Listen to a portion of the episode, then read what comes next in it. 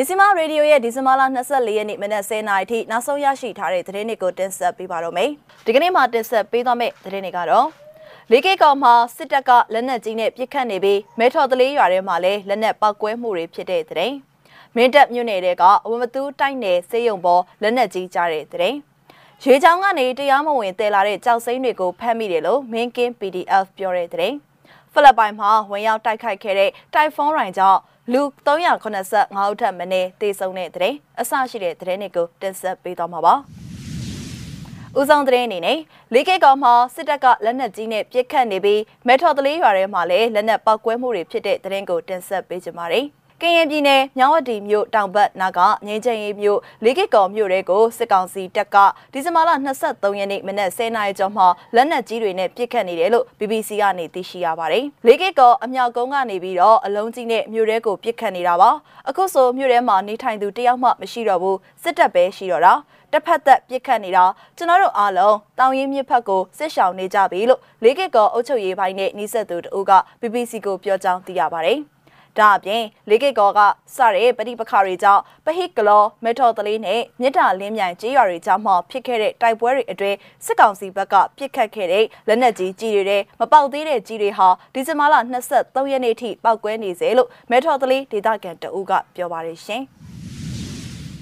ဆက်လက်ပြီး မင်းတပ်မြို့နယ်ကအိုမတူတိုက်နယ်စေယုံပေါ်လက်နက်ကြီးကြတဲ့တရင်ကိုတင်ဆက်ပေးကြပါမယ်။ချင်းပြည်နယ်မင်းတပ်မြို့နယ်ကဝမတူကျေးရွာထဲမှာရှိတဲ့ဝမတူတိုက်နယ်စေယုံပေါ်ကိုဒီဇင်ဘာလ23ရက်နေ့မှာစစ်ကောင်စီကပစ်ခတ်တဲ့လက်နက်ကြီးကြားရောက်ခဲ့တယ်လို့သိရပါတယ်။ ဝမသူကျေးရွာတိုက်နယ်စေယုံဘော်ကိုလက်နက်ကြီး၃ချက်လောက်ကြားတဲ့အထဲမှာအမျိုးသမီးလူနာဆောင်ကြားမှာအစာအုပ်ပေါ်တက်တဲ့တလုံးကြားတယ်။နှစ်ကြိမ်ကစေယုံဝင်တယ်လို့ပြောတယ်။ပျက်စီးမှုအတိုင်းအဆကိုဆက်ပြီးစုံစမ်းနေပြီလို့မင်းတပ်မြို့နယ်ပြည်သူ့အုပ်ချုပ်ရေးအဖွဲ့ဝင်တဦးကပြောပါတယ်ရှင်။ ဆက်လက်ပြီးရေချောင်းကနေတရားမဝင်တဲလာတဲ့ကြောက်စိမ့်တွေကိုဖမ်းမိတယ်လို့မင်းကင်း PDF ပြောတဲ့သတင်းကိုတင်ဆက်ပေးကြပါမယ်။ချင်းတွင်းမြစ်ထဲရေချောင်းကနေတရားမဝင်တဲလာတဲ့ကြောက်စိမ့်တွေကိုဖမ်းဆီးရမိပြီးအခုတော့အဲ့ဒီကြောက်စိမ့်တွေကိုအမျိုးသားညီညွတ်ရေးအစိုးရ NUGC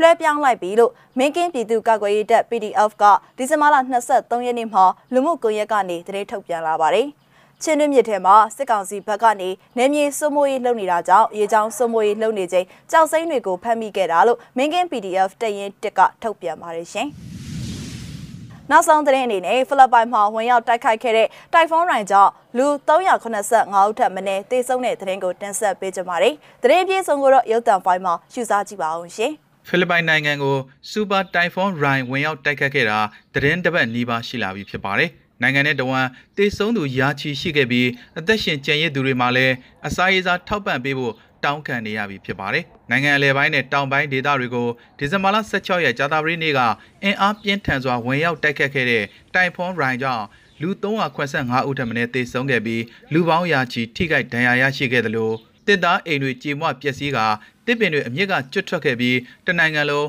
ဓာတ်အားပြတ်တောက်မှုတွေဖြစ်ပွားခဲ့ပါတယ်။ ရေလွှာရှောစီးသူတွေခီးသွားတွေကြားမှာရေပန်းစားတဲ့ဖိလစ်ပိုင်ကျွန်းပေါ်က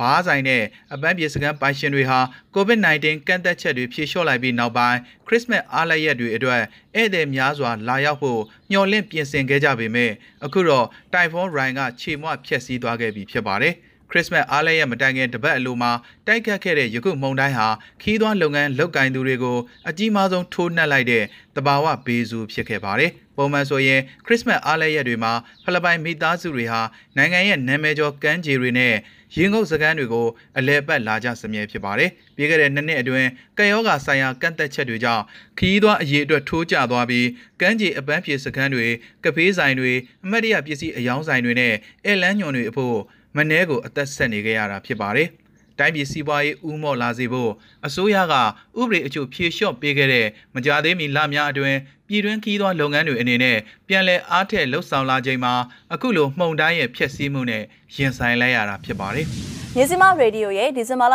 24ရက်နေ့မနက်10:00နာရီထိနောက်ဆုံးရရှိထားတဲ့သတင်းတွေကိုတင်ဆက်ပေးခဲ့တာပါ။နားဆင်ပေးခဲ့တဲ့အတွက်ကျေးဇူးတင်ပါတယ်ရှင်။